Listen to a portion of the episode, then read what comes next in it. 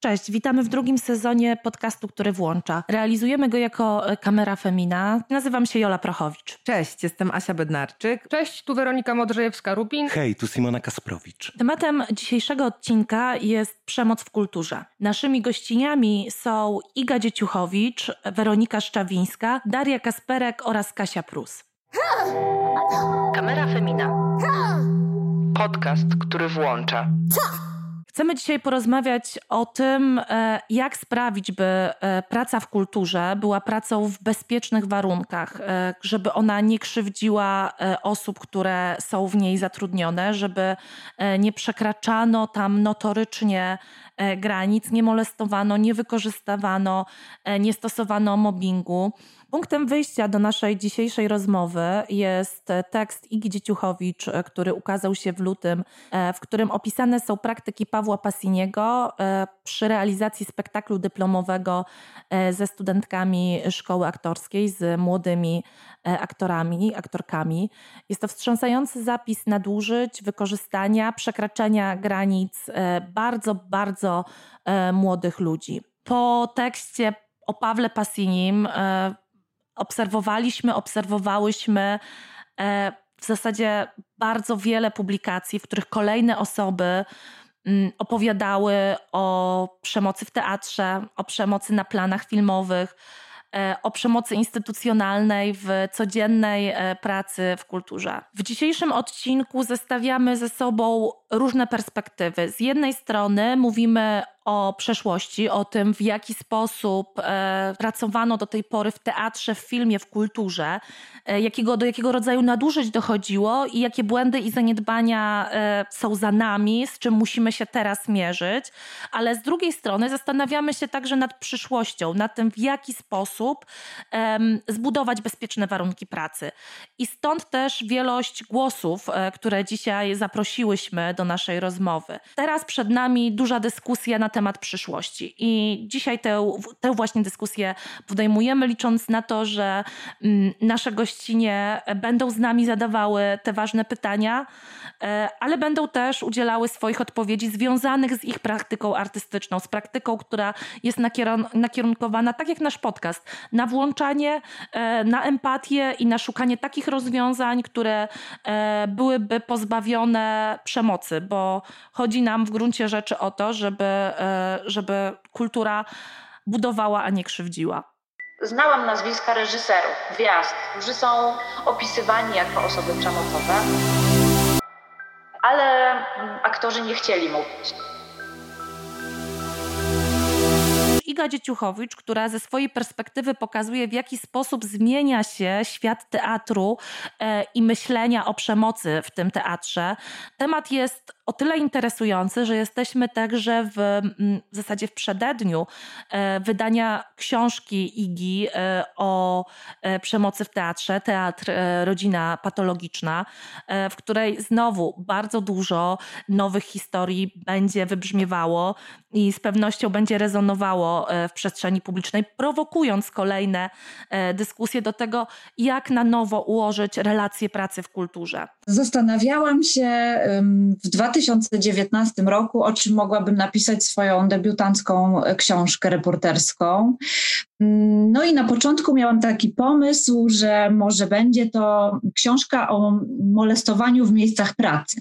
Miałam nawet już konspekt, y, kilka historii, które chciałam opisać. Y, I wtedy y, okazało się, że wyszła na jaw sprawa bagateli. Więc ja do tego konspektu dopisałam bagatele jako kolejne miejsce, które które no, warto byłoby e, opisać w tej mojej książce. E, no i później rozmawiałam z moim kolegą e, redakcyjnym z dużego formatu, Pawłem Piotrem Reszką, no i tak rozmawialiśmy o tym, czy bagatela jest takim incydentem, czy jednak jest to szerszy problem. No i ja pamiętam, że tak się uśmiechnęłam pod nosem, kiedy z nim o tym rozmawiałam i mówię, że wiesz co, no to jest bardzo duży problem, ogromny, tylko jest ogromna zmowa milczenia i w ogóle nie sądzę, żeby to ktokolwiek kiedyś e, e, nakłonił aktorów i artystów do rozmowy na ten temat. I on mówi, no to właśnie dlatego chyba powinnoś o tym napisać. Po y, wielu latach mieszkania w Krakowie mam sporo przyjaciół, znajomych artystów i tak zaczęłam ich pytać i wracać do rozmów i anegdot sprzed lat. E, no i się okazało, że jest bardzo e, duża chęć rozmowy o tym, takiej indywidualnej, ale jest wciąż spory strach przed ujawnieniem nazwisk, przed ujawnieniem teatrów, przed ujawnieniem nazwisk reżyserów, dyrektorów. Było tych rozmów bardzo dużo, rozmawialiśmy w cztery oczy, y, ale potem osoby się wycofywały. Znaczy opowiadały, ale potem dzwoniły i mówiły, no Iga, wiesz, może nie pisz w którym to teatrze, albo nie podamy nazwiska tego reżysera.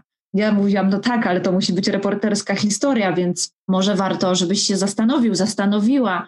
Mm, no ale chyba to nic nie zmieni. W tych moich rozmowach y, przewijało się nazwisko Pawła Pasiniego. Znaczy, bardzo dużo osób mówiło mi, powinnaś się tym zająć, bo jest y, w środowisku mówi się, że aktorki czują się skrzywdzone, że jest dużo kobiet, które no, w jakimś sensie czują, że zostały przekroczone ich granice. I ja dopytywałam, co się na tych próbach dzieje, czy oni wiedzą, co się na tych próbach dzieje. I oni w kilku słowach mówili tak, że mm, rozbiera e, reżyser te aktorki, że one potem się z tym czują mm, źle, opowiadają potem o tym w garderobach, na bankietach. E, no i jest jakieś poczucie krzywdy po tej pracy i że tych aktorek jest dużo. Po jakimś czasie, bardzo długim, bo prawie po roku, dowiedziałam się o tym, że dziewczyny z Bytomia, studentki piątego roku teatru, Wydziału Teatru Tańca, złożyły skargę do profesor Moniki Jakowczuk, że próby odbyły się no, z udziałem dziewczyn i one zostały przymuszone do nagości. Ja się z tymi, z jedną z tych dziewczyn, Moniką, skontaktowałam. Spotkałyśmy się w Warszawie mm, i ona opowiedziała mi, że dziewczyny jeszcze zastanawiają się, czy w ogóle porozmawiać z mediami na ten temat. Że ta sytuacja wywołała bardzo duże poruszenie w grupie na tym roku, że pomagał im psycholog, że przeżyli wszyscy duży kryzys emocjonalny przy okazji tej pracy że było tam dużo poczucia winy, łez. Oni się skonfliktowali też ze sobą, potem się pogodzili, no ale wspólnie doszli do wniosku, że już z tym konkretnym reżyserem nie chcą pracować. Ja czekałam trzy miesiące na to, aż dziewczyny nabiorą odwagi. I w międzyczasie połączyłam też na spotkaniu online inne aktorki, o których wiedziałam, że one również czują się skrzywdzone próbami panem Passinim, ale wcześniej nie miały odwagi, żeby po prostu przerwać e, milczenie. I pamiętam ten dzień, w którym my się spotkałyśmy y, i dziewczyny zaczęły po kolei mówić. Najpierw zaczęły mówić dziewczyny, które dołączyły online. I widziałam na twarzach y, studentek z Bytomia po prostu malujące się rozmaite emocje od szoku, po smutek, po niedowierzanie się też malowało, dlatego że te relacje były bliźniaczo do siebie podobne. Y, I okazało się, że dziewczyny, które pracowały z reżyserem w różnych latach, które y, znają go z różnych przedsięwzięć, w zasadzie wszystkie opowiadają tę samą historię, która y, zaczyna się od tego, że aktorka ma wielki potencjał, jest wybitna, mm, no i że tutaj pojawia się wielki reżyser, który pomoże jej otworzyć się i ten potencjał na wierzch wyciągnąć.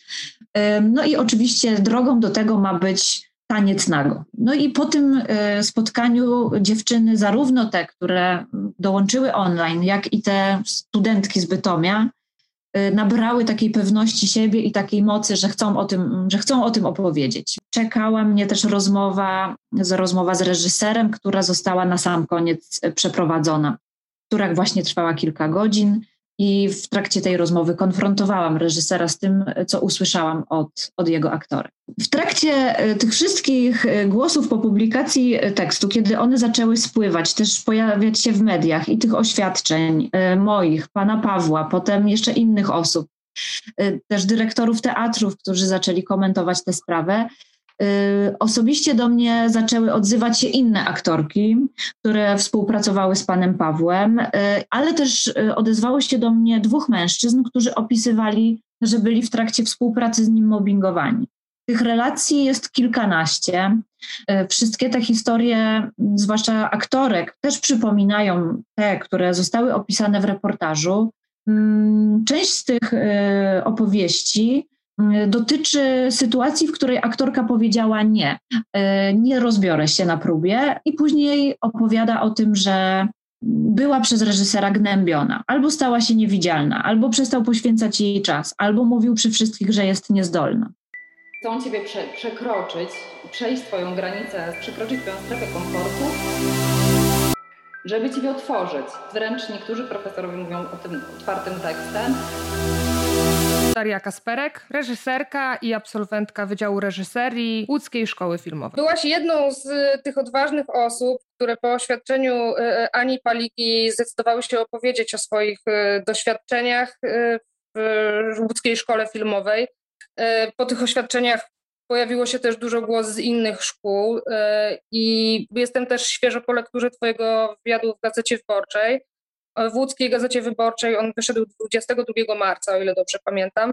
No i chciałam zapytać, czy czujesz się na siłach, żeby e, opowiedzieć coś więcej jeszcze o tych wspomnieniach i o tym, jak to się w ogóle zaczęło i jak, jak poczułaś się też czytając to, co Ania napisała i jak to koresponduje z Twoimi wspomnieniami. Sytuacje, które przytoczyła Ania w swoim liście, są sytuacjami takimi jednoznacznie drastycznymi. E, one też, e, przez to, że jest, były to takie notki krótkie, dotyczące kilku postaci, kilku zupełnie różnych, niepowiązanych ze sobą sytuacji, tworzyły jakiś taki bardzo mocny portret miejsca i doświadczeń, które, które, które, które płyną z tego miejsca to, co do mnie przyszło też po, po y, przeczytaniu te, tego listu, to jest przede wszystkim y, przypomnienie sobie różnych historii, które słyszałam od ludzi, które słyszałam od aktorów. To, co wspominam ze szkoły jako przemoc, jest bardzo y, trudne, było dla mnie przez długi czas trudne do zdefiniowania jako przemoc. Dlatego, dlatego też to jest jakoś inne niż to, co Ania napisała, bo te sytuacje, o które opisała Ania, są jednoznacznie przemocowe. A te, które ja wspominam ze swoich doświadczeń, dla mnie przez wiele lat nie były przemocą, tylko były sposobem bycia, sposobem funkcjonowania na uczelni. I oczywiście też nie przez wszystkich wykładowców, nie przez wszystkich y, ludzi będących w tej instytucji, ale była, ale była uznana przez znaczną część ludzi.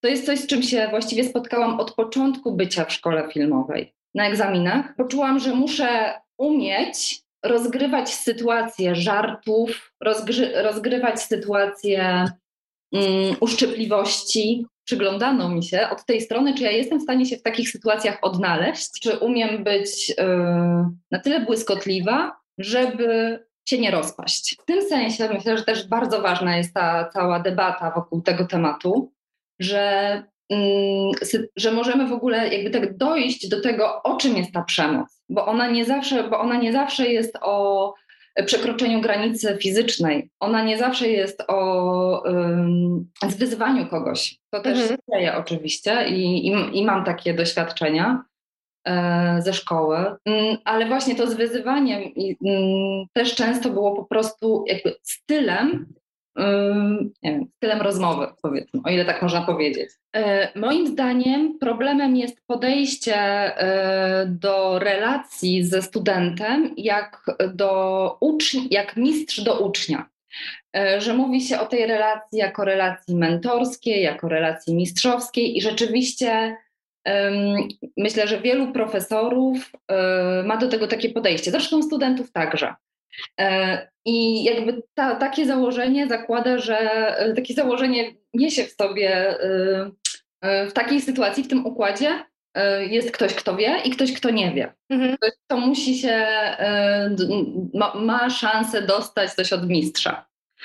I bardzo trudno tutaj o równe traktowanie. I bardzo łatwo tutaj o mm, jakieś przekroczenie, bo tak naprawdę nie wiadomo, jakie narzędzia ma ten mistrz i w jaki sposób ono ciebie chce wprowadzić w tajemnicę zawodu.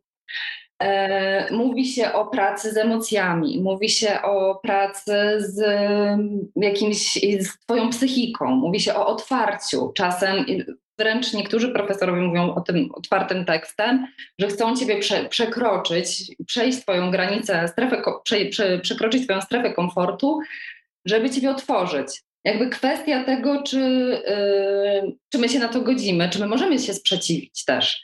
Yy, I, tutaj myślę, że, yy, że jakby to, to, ten układ sprawia, że bardzo łatwo, bardzo łatwo o przekroczenia. Trzeba zwracać uwagę, stosować procedury, ćwiczyć w sobie empatię, obmyślać struktury antyprzemocowe i antydyskryminacyjne.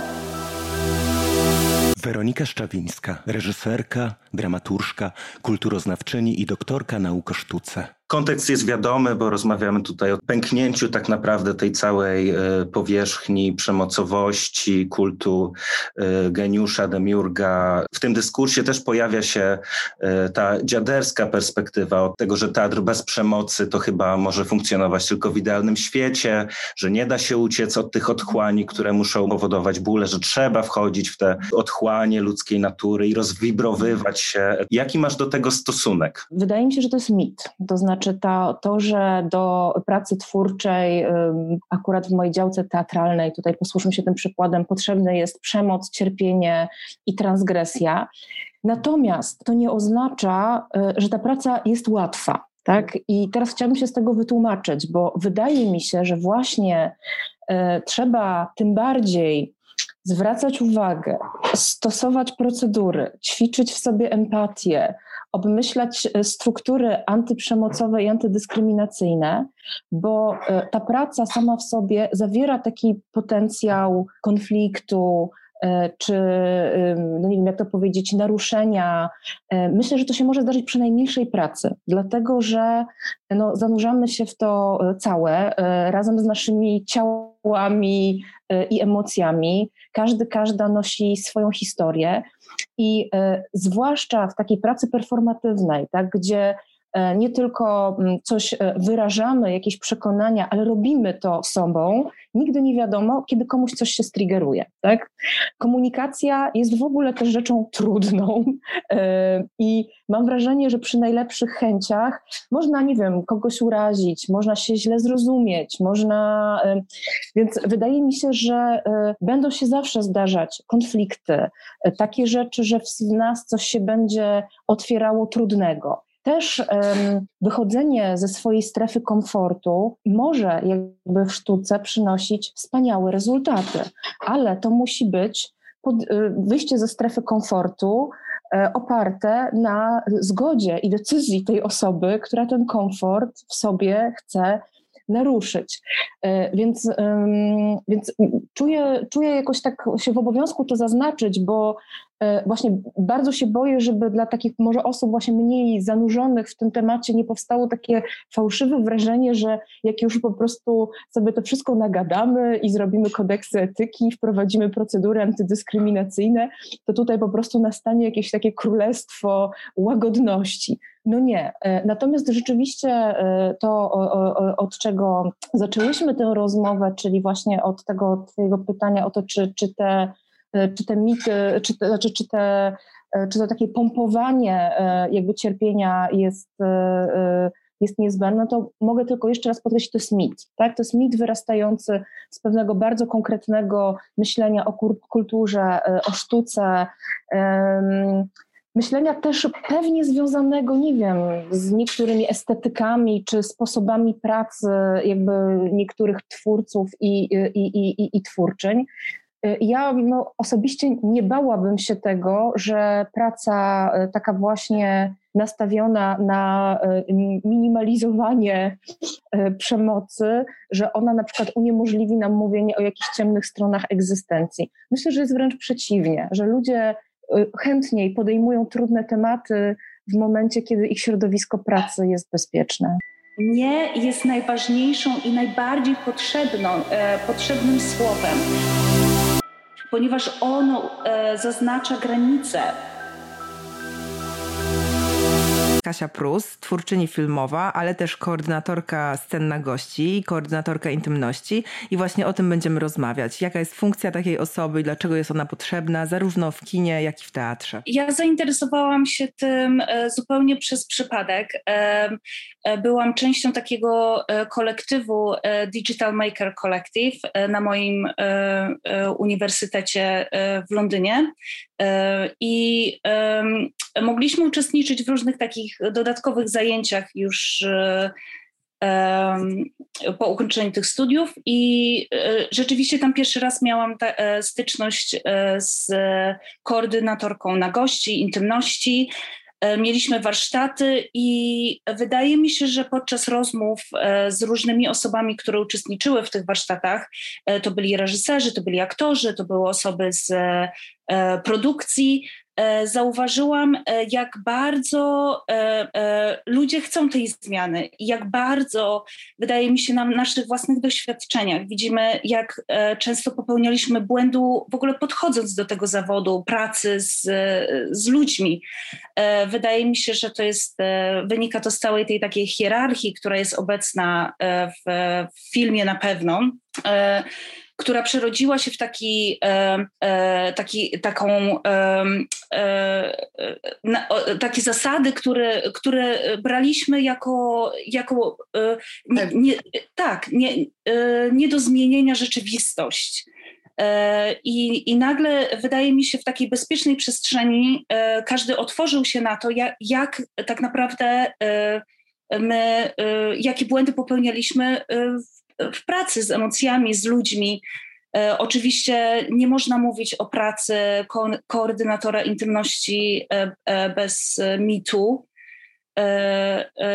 To również był bardzo taki ważny element, który wydaje mi się zwrócił uwagę na to, jakie błędy ludzie, jak nawzajem siebie krzywdziliśmy.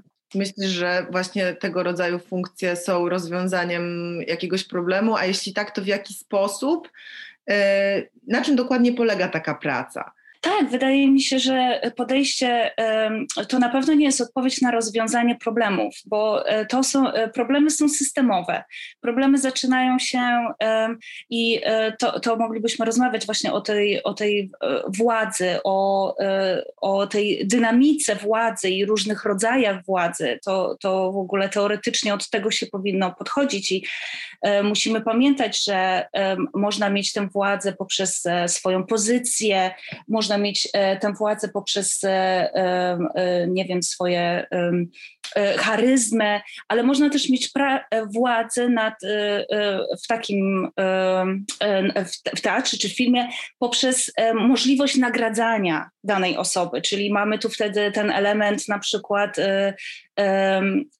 reżyserów castingu, którzy kogoś bardziej lubią, to, to również jest władza. Więc to są te wszystkie problemy systemowe, natomiast E, ja do pracy koordynatora intymności nie podchodzę jako do rozwiązania problemu, e, bo e, to mm, od razu daje taki trochę negatywny okej, okay, jeżeli ja tu stoję po stronie aktora, to znaczy, że zaraz e, będę przeciwko e, reżyserowi czy przeciwko producentowi. E, nie, to jest po prostu, to są pewne takiego, taki bufor bezpieczeństwa dla wszystkich ludzi, którzy są, którzy, którzy pracują nad danym projektem. Tak, tak, tak, tak bym do tego. Mam wrażenie, że to jest też po prostu tak wprowadzenie pewnego standardu w Dokładnie. sytuacjach, która no, doświadczenie wielu osób pokazuje nam, że jednak jest to sytuacja, która sprawia wrażenie praca z nagością w kinie czy teatrze. Już mi bardzo wiele tych świadectw i przykładów nadużyć z tym związanych się pojawiło i pojawia ostatnio, więc, więc no, trzeba sobie odpowiedzieć jasno, jest to sytuacja trudna, Y, do której trzeba osoby szczególnie przeszkolonej i wrażliwej mm, na pewne tematy. I mam wrażenie, że to jest właśnie wprowadzenie tych standardów, o których mówisz, czyli, czyli rozwiązanie jakieś pewnego rodzaju systemowe, początek systemowej pracy nad tym. E, tak, tylko e, bo musimy też pamiętać, że te zmiany systemowe nie wychodzą z systemu. One wyszły z potrzeby tych aktorów i z potrzeby e, po, poczucia bezpieczeństwa, jak również faktu, że często e, e, byli wykorzystywani do tej pracy osoby, które na przykład zajmowały się choreografią walki.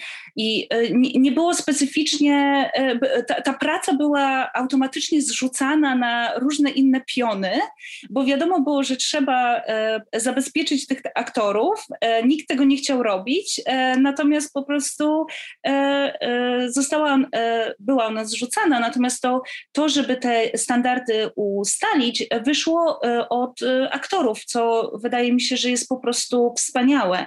I tu jeszcze wspomnę o takiej pierwszej lekcji zazwyczaj, którą, e, którą się uczy, że to słynne nie, ta, to słynne takie, że aktor zwłaszcza chyba często teraz się mówi przy, przy różnych wyznaniach aktorów, którzy doświadczyli przemocy, że oni są szkoleni, że nie mogą mówić nie. E, natomiast e, my wychodzimy z założenia, że nie jest najważniejszą i najbardziej potrzebną, e, potrzebnym słowem, ponieważ ono zaznacza granice, ono nie wprowadza później niedomówień, ono pomaga nam sprawić, że ta choreografia jest dopracowana kiedy dokładnie wiemy, e, gdzie jest nie aktora. I, e, e, i to znowu jest, trochę nawiązuje do tego, że tak są to zmiany systemowe, ale one naprawdę mają ułatwić pracę po obu stronach. To, co jest nienegocjowalne, to fakt, że nikomu się nie może dziać krzywda a przynajmniej świadomie nikt jakby nie może drugiej osobie tej krzywdy czynić. Weronika Szczawińska. To jest jakieś takie w ogóle wyzwanie, które teraz stoi e, przed nami wszystkimi, jak mądrze rozumieć kolektywność. Bo wydaje mi się, że może być niemądre rozumienie kolektywności, które polega, sobie, polega na tym, że mówimy sobie po prostu, wszyscy jesteśmy równi i nic z tym nie robimy. Tak? To znaczy, i jakby w takiej pracy jak moja, to od razu, a chyba zresztą w każdym procesie zespołowym, to będzie tak naprawdę kolejna formuła, która tylko coś etykietuje, a ukrywa potencjalne pola napięć. Więc znowu, e, wydaje mi się, że e, trzeba o tym gadać. To znaczy, chyba trzeba każdą, każdą pracę, do której się podchodzi, każdy proces grupowy mapować i nazywać i omawiać to z ludźmi, którzy biorą w tym udział. Ja może podam taki przykład ze swojej działki, to znaczy zawsze e, powiedzmy biorę udział e, jako liderka procesów grupowych, no bo taka jest moja funkcja jako reżyserki, w bardzo różnym, w bardzo, w bardzo różnym stopniu. Czasami jest tak, że e, ta hierarchiczność jest silniejsza, jest bardziej nazwana, i to na przykład mi się zdarza w takich teatrach repertuarowych, gdzie na przykład aktorzy w zespole nie mają zbyt dużego doświadczenia właśnie w takiej pracy kolektywnej. Tak? To znaczy jednak najczęściej spotykali się z taką pracą, że reżyser czy reżyserka bardzo dużo określali, wręcz wskazywali czy nakazywali kierunki, e, kierunki pracy. No i w takiej grupie, jeżeli ja bym powiedziała, pracujemy kolektywnie, wkład każdego jest równy, zachowałabym się bardzo nieodpowiedzialnie, bo tak naprawdę skazałabym nas wszystkich na chaos. Mhm. Więc wydaje mi się, że w takim procesie bardzo dobrze jest rozmawiać właśnie o tym, że powiedzmy, ja tym procesem mocniej kieruję. Tak? E, staram się zawsze zostawiać w takich przypadkach aktorom miejsce na ich indywidualny proces, ich kreatywność, ich twórczość, ale powiedzmy określam dużo więcej, tak? Jakby znacznie bardziej ten świat artystyczny jest, powiedziałabym, na moich regułach. Naturalnie coś, co jest nienegocjowalne, to są te rzeczy związane z przemocą. To znaczy, niezależnie od tego, czy praca jest bardziej hierarchiczna w rozumieniu funkcji, e, to znaczy, że ja coś bardziej narzucam, brutalnie rzecz biorąc, czy rzeczywiście działamy bardziej jako grupa, to, co jest nienegocjowalne, to fakt, że nikomu się nie może dziać krzywda, a przynajmniej y, jakby, że świadomie nikt y, jakby nie może drugiej osobie tej krzywdy czynić. Ja jako reżyserka jestem wtedy odpowiedzialna za to, żeby to się nie działo, tak? To znaczy, żeby na przykład, y, wiesz, no bo bardzo różne są dynamiki w zespołach, znaczy polski teatr jest tak poraniony, cierpi na tak straszliwy syndrom posttraumatyczny, że na przykład ludzie, którzy przez lata byli poddawani treningowi przemocy, po prostu krzywdzą innych, tak? Albo jakby uruchamiają się u nich takie mechanizmy lękowe. I tutaj przyznam, że jakoś w tym zakresie zawsze działałam jakoś tak trochę y, instynktownie. Teraz też jestem na takiej drodze, że bardzo chciałabym się nauczyć to formalizować. Na przykład bardzo mi się wydaje pociągająca współpraca z terapeutami czy terapeutkami, którzy na przykład pomagają, pomagają opracować taki kontrakt na początku pracy. Na przykład na co się wszyscy zgadzamy, a na co się nie zgadzamy. I myślę, że to jest coś, co do swojej praktyki wprowadzę. Natomiast jakby taka praca, która powiedzmy jest trochę mniej hierarchiczna, mi się wydaje, że ona musi też zakładać zgodę wszystkich członków jakby i członkiń takiej grupy, to znaczy, że e, ludzie biorą na siebie większą odpowiedzialność. Tak? To znaczy, jeżeli znika ta funkcja reżyserki jako osoby, która naprawdę tak wszystko bardzo mocno określa, no to wtedy każdy odpowiedzialny jest też za to, czy to mówimy e, właśnie o aktorach, aktorkach, czy, czy innych twórczych współpracowniczkach, jakby w, i współpracownikach w grupie, no, że e, jesteśmy wszyscy odpowiedzialni za stworzenie reguł tego, e, tego, tego przedstawienia, tego świata, który kreujemy. Natomiast z mojego doświadczenia też wynika, że zazwyczaj tutaj na przykład moja pozycja wtedy jako reżyserki i tak jest pożądana jako takie oko z zewnątrz, albo to, że się umawiamy, tylko wtedy to już naprawdę musi być umowa, że jeżeli będzie za dużo opcji, to ja podejmuję decyzję, bo ktoś musi, tak? Znaczy na przykład jeżeli będziemy mieć milion pomysłów, to który wybrać, to ktoś jest jakby strażniczką tych sensów. Mhm. Ta praca jest strasznie trudna i ja nie twierdzę, że mam do niej jakiś klucz. Prawdę mówiąc, chciałabym z nią jeszcze więcej eksperymentować, ale problem polega na tym, że w przestrzeni polskiego teatru nie ma zbyt wielu miejsc, które by taką pracę umożliwiały. Taka bardzo silna kolektywność, przyznam, że zdarzała mi się do tej pory praktycznie tylko w tych spektaklach, które realizowałam w Komunie Warszawa, które jest teatrem niezależnym, gdzie można zaprosić taką drużynę twórczą o określonych kompetencjach, gdzie nie ma stałego zespołu, gdzie mogę zadzwonić do ludzi, słuchajcie, jakby robimy taką rzecz, ja mam pomysł na temat, ale tutaj możemy pracować właśnie tak bardziej jakby kolektywnie. Myślę, że y, to jest taka praca kolektywna, gdzie dużo się można na przykład nauczyć od, nie wiem, tancerzy albo osób, które miały y, doświadczenia właśnie pracy również za granicą, y, w, właśnie w takich formach bardziej jakby performatywnych, związanych z ciałem. Mi się wydaje, że artyści i artystki z tej dziedziny są trochę teraz w awangardzie takiego rozumienia może procesów kolektywnych czy, czy, czy grupowych. E, I oczywiście w tym wszystkim jest też mój ulubiony temat, e, jeden z takich najtrudniejszych, czyli rozmowa o pieniądzach. Tak? To znaczy, jak ta hierarchiczność i wspólnotowość i kolektywność przekłada się po prostu na hajs. I znowu tutaj coś, co wydaje mi się jedyną słuszną drogą, to jest po prostu otwarta rozmowa o tym. To znaczy, że nawet jeżeli te wynagrodzenia w obrębie grupy się różnią, to rozmawiamy o tym, tak? To znaczy ja zazwyczaj też biorę na siebie tą niewdzięczną rolę, że jestem tą osobą, której teatr przekazuje wysokość budżetu, albo która walczy o to, żeby teatr przekazał jej tą informację, ponieważ to nie jest do końca oczywiste, że instytucje grają w taką jasność. Tak? Jakby bardzo często na rękę instytucji są indywidualne negocjacje stawek, żeby ludzie nie wiedzieli, ile zarabiają i żeby komuś, kto jest bardziej uparty i ma wyższą pozycję, móc zdać więcej, kosztem kogoś, kto po prostu nie będzie miał tyle siły i weźmie mniej. Więc jakby staram się, staram się i tutaj jakby moi współpracownicy i współpracowniczki odgrywają też kluczową rolę, bo bardzo często to oni są tymi agentami zmian, którzy tego pilnują, żebym właśnie ja dostała tę kwotę i żebyśmy porozmawiali, e, porozmawiali o tym, ile kto zarabia, dlaczego, czy wszyscy się na to zgadzają. I teraz w takiej sytuacji, kiedy powiedzmy moja rola jest mniejsza, to oczywiście ja też dążę do tego, żebyśmy mieli bardziej spłaszczone te stawki. Na przykład, nie wiem, w Komunie Warszawa bardzo często pracujemy po prostu za takie same, za takie same kwoty. Natomiast jakby w momencie, kiedy pracuję w instytucji repertuarowej i moja rola jest większa, ja też daję sobie prawo do tej y, wyższej stawki. Y, natomiast wtedy też staram się określić, dlaczego tak jest, jakie kompetencje, jakie rzeczy muszę wziąć na siebie y, w związku z tym. I zawsze o tym rozmawiamy, tak? To też nie jest taki grunt, na którym ja czuję, żebym miał jakąś super receptę. Cały czas się, przy każdej produkcji tak naprawdę zastanawiam się, czy to jest fair, tak? Czy ktoś nie wziął za mało, albo czy porozmawialiśmy o tym wystarczająco. Ale znowu wydaje mi się, że może takie baby steps, tak? To znaczy po prostu o tym rozmawiajmy, przedstawiajmy sobie te, cyfry, kwoty, tabelki, nauczmy się w ogóle takiej rozmowy, że te funkcje są zmienne, tak? Na przykład, nie wiem, w jakimś projekcie, który robię, choreografka może być tak ważna jak ja, albo ważniejsza, i wtedy jej stawka powinna to odzwierciedlać. A wyobrażam sobie taki projekt, kiedy z tą samą artystką pracuję tak, że ona naprawdę robi znacznie mniej, i wtedy jej stawka to odzwierciedla, ale musimy znać charakter projektu i musimy być na to umówione. Teraz mówimy o, tym, o tej przemocowości. On bardzo często jest obecna w wielu sytuacjach.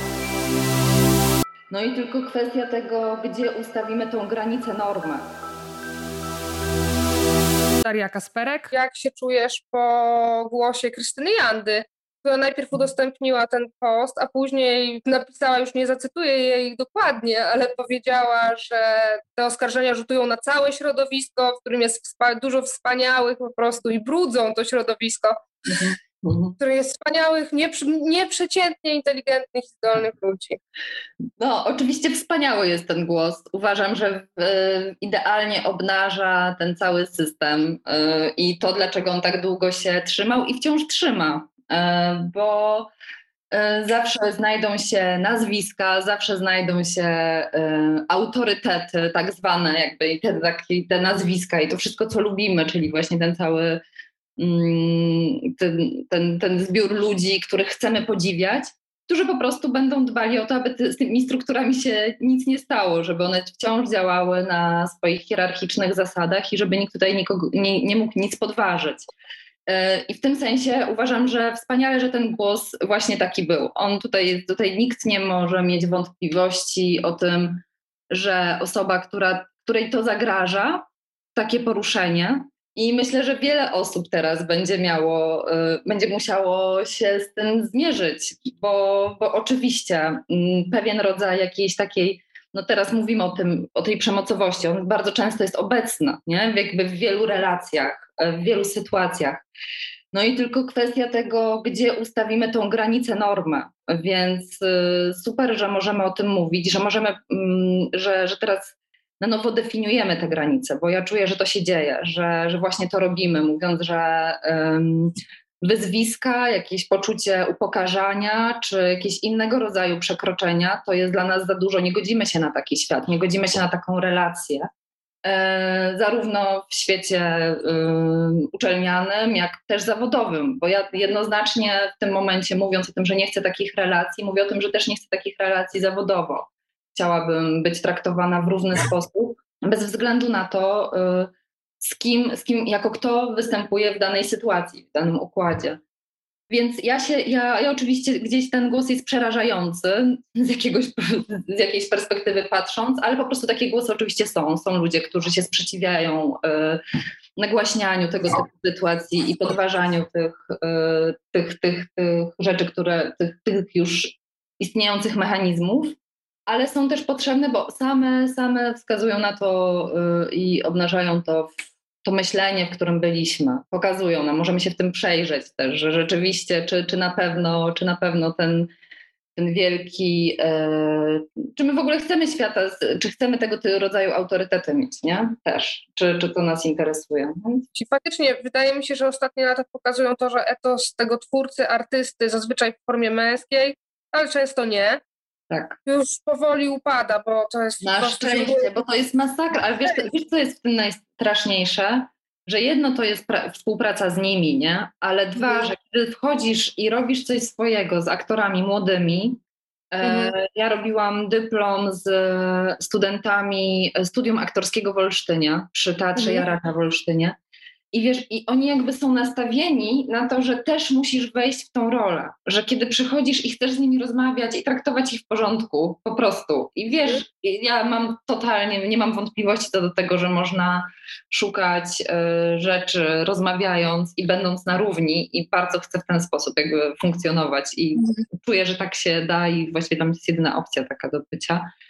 Y, to często się czują niekomfortowo, wiesz, i to jest mhm. jakby straszne, że, że w momencie, w którym y, im bardziej cię opierdoli, tym bardziej znaczy, że jesteś zdolna, zdolny i wartościowy jako twórca. Nie? Jeżeli przyjmiemy, że to nie, prędzej czy później będzie obowiązkowe. No nie wrócimy już do tego, że aktor jest y, tym narzędziem. Kasia Prus. Tak mam wrażenie, że trochę sugeruje, że reżyserzy lekko się boją tej funkcji i mam wrażenie, że to wynika może z tego lęku przed oddaniem tego kawałeczka władzy i, i bycie takim bardziej elastycznym pod kątem tego, co mają do powiedzenia inne osoby pracujące też na planie przy danej sztuce czy filmie. Tak, tak. I myślę, że to jest duży problem i to, to jest właśnie, wydaje mi się, co tak jakby powstrzymuje, może powstrzymuje reżyserów, żeby szukać tej pomocy. Ale jeżeli podejdzie się, rzeczywiście przedstawi się tę pracę jako ustawianie choreografii i to zawsze, i, i to, to trzeba bardzo podkreślić, że koordynator intymności, e, e, jego praca zaczyna się bardzo, bardzo wcześnie na, e, w produkcji, ale również polega na tym, żeby zinterpretować scenariusz, ustawić wszystkie bity, ustawić choreografię, ale pierwszym zadaniem jest po prostu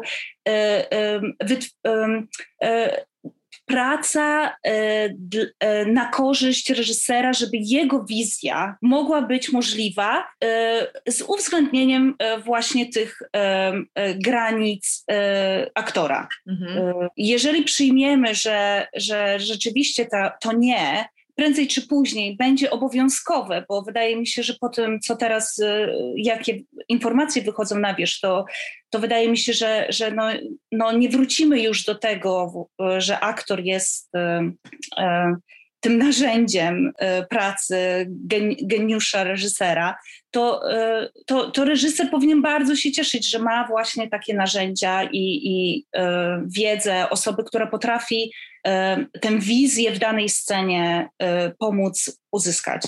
Ostatnio Michał Telega powiedział mi Iga, teatr, który znasz, e, już się skończył. Bo przychodzimy my i my, ma, my chcemy inaczej pracować. Iga Dzieciuchowicz. Chciałabym się odnieść do tej dyskusji, która się odbyła w Centrum Kultury w Lublinie, którą też wiem, że e, obserwowałaś e, w jakiś sposób. E, I tam e, zadano takie pytanie, które moim zdaniem już na samym początku pokazało e, te manowce romantyzowania przemocy w kulturze. To znaczy, czy sztuka wymaga ofiary? Od razu oderwano sztukę od twórcy, to znaczy stwierdzono, że to jest jakiś abstrakcyjny byt, jakieś bóstwo, które domaga się z wysokości Olimpu jakiejś ofiary. No, ofiarami najczęściej padają kobiety, więc trudno, tak się wydarza. Więc w ogóle zadanie tego rodzaju pytania e, poka pokazuje mocno, jak bardzo, e, jak bardzo ta narracja romantyczna jest silna, ale też wydaje mi się, że po reakcjach osób na tę, na tę debatę, też widać było, że już naprawdę jesteśmy zmęczeni, zmęczone tą, e, tym sposobem mówienia, tym sposobem tłumaczenia świata i że ten świat kultury, świat teatru domaga się teraz trochę innej, czy zupełnie innej narracji. Narracji, w którym włączymy właśnie takie pojęcia jak odpowiedzialność, empatię, e, etyczne zaangażowanie, i że to jest w ogóle, e, w ogóle super, że, ta, że taka narracja może dojść do głosu. Jak ty to widzisz? Z rozmów z artystami wynika, że młodzi twórcy pragną takiej pracy bardziej kolektywnej, to znaczy ten teatr reżyserów gwiazd, którzy są takimi demiurgami i guru, i trzeba robić wszystko to, co każą, i trzeba mm, jakoś odnaleźć się w tej wizji, choćby nie wiem, jakich ona y, potrzebowała właśnie poświęceń.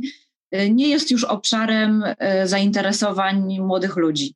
Ostatnio Michał Telega powiedział mi Iga, teatr, który znasz, y, już się skończył, bo przychodzimy my i my, my chcemy inaczej pracować. Przede wszystkim chcemy mieć kodeksy etyki, nie chcemy przemocy, nie chcemy nadużyć, mm, chcemy mieć koordynatorów intymności. Inna rzecz to jest też to, co się dzieje na Zachodzie. Mm, tam reguły powstawania produkcji teatralnych są zupełnie inne niż w Polsce. Y, też dlatego, że za, za tymi produkcjami stoją też duże pieniądze.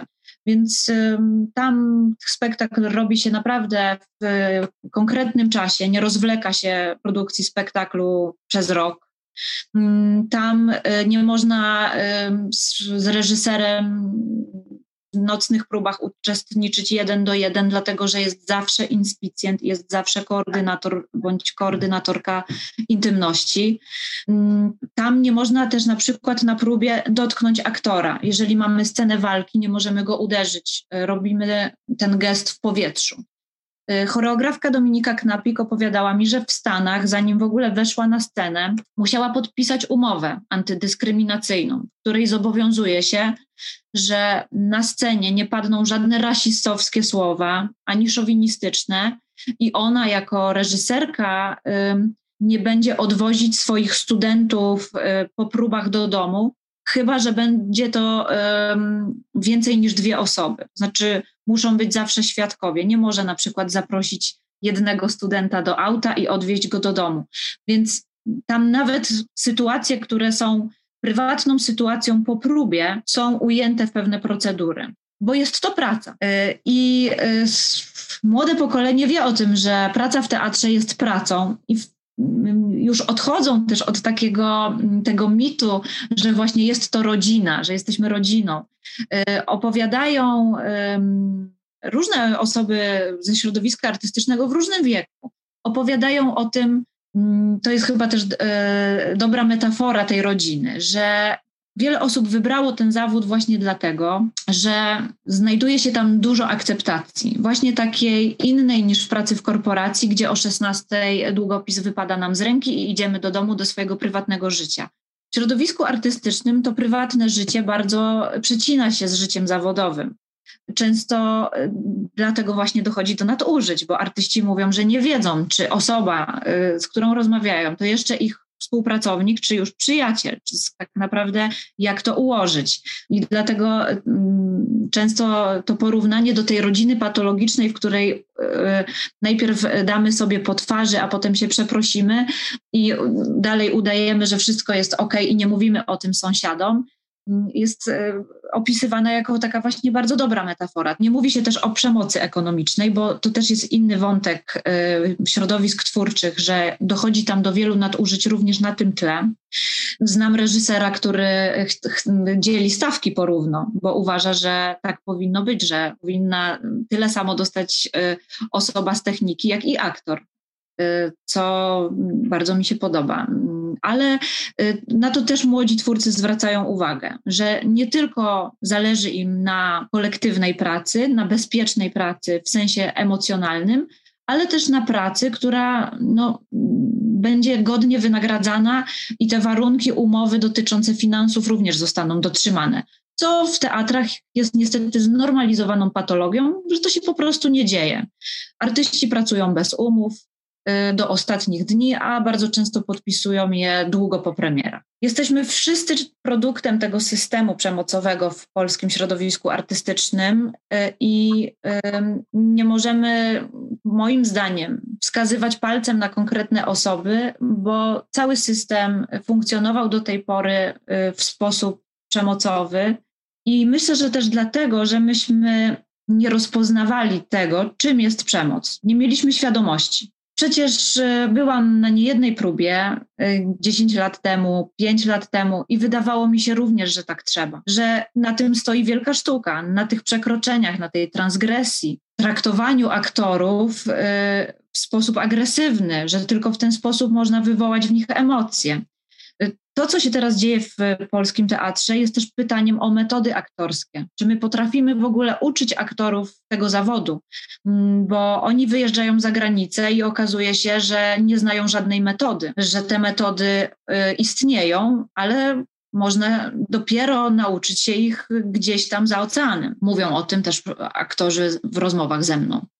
Że kiedy jadą do szkoły, na przykład do Stanów, to są odbierani jako dzicy, jako ludzie, którzy kompletnie nie potrafią zachować się na scenie, bo właśnie dotykają, robią improwizację w sposób bardzo przemocowy i y, krzyczy się do nich stop, stop, borderline, że mają y, odejść od aktora na scenie i pokazać coś y, bez dotyku, bez tych siłowych zachowań. Y, jest wiele głosów przeciwników tej pracy, bo mm, są osoby, które mówią, że młode pokolenie wychowane bezstresowo po prostu jest słabe psychicznie i podniesienie głosu i krzyk już ich traumatyzuje.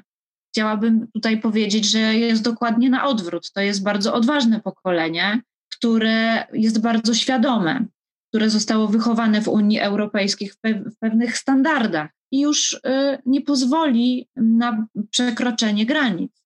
Y, I to jest siła tego pokolenia. Ta świadomość ogromna, obywatelska, feministyczna, lewicowa, którą y, te osoby mają. E, więc e, słyszę oczywiście e, głosy też wielkich artystów, którzy nawołują do tego, żeby wysłuchać obu stron, ale no też nie da się zignorować tego, że w zasadzie codziennie wybuchają kolejne nazwiska, wybuchają kolejne teatry i wybuchają kolejne relacje skrzywdzonych, zniszczonych i zdewastowanych ludzi. Nie jest to przypadek, że zaczęło się polskie prawdziwe mitu w środowisku artystycznym, no bo są to osoby bardzo medialne y, i one mają też głos, przebicia. Mówimy o tym, bo nagle odzywają się wybitni aktorzy, którzy opowiadają o traumie. Więc dzięki temu, y, no, mam nadzieję, że polscy artyści rozpoczną to y, mitu również w innych sektorach, nie tylko kultury. Bardzo bym sobie tego życzyła. Kamera Femina. Podcast, który włącza.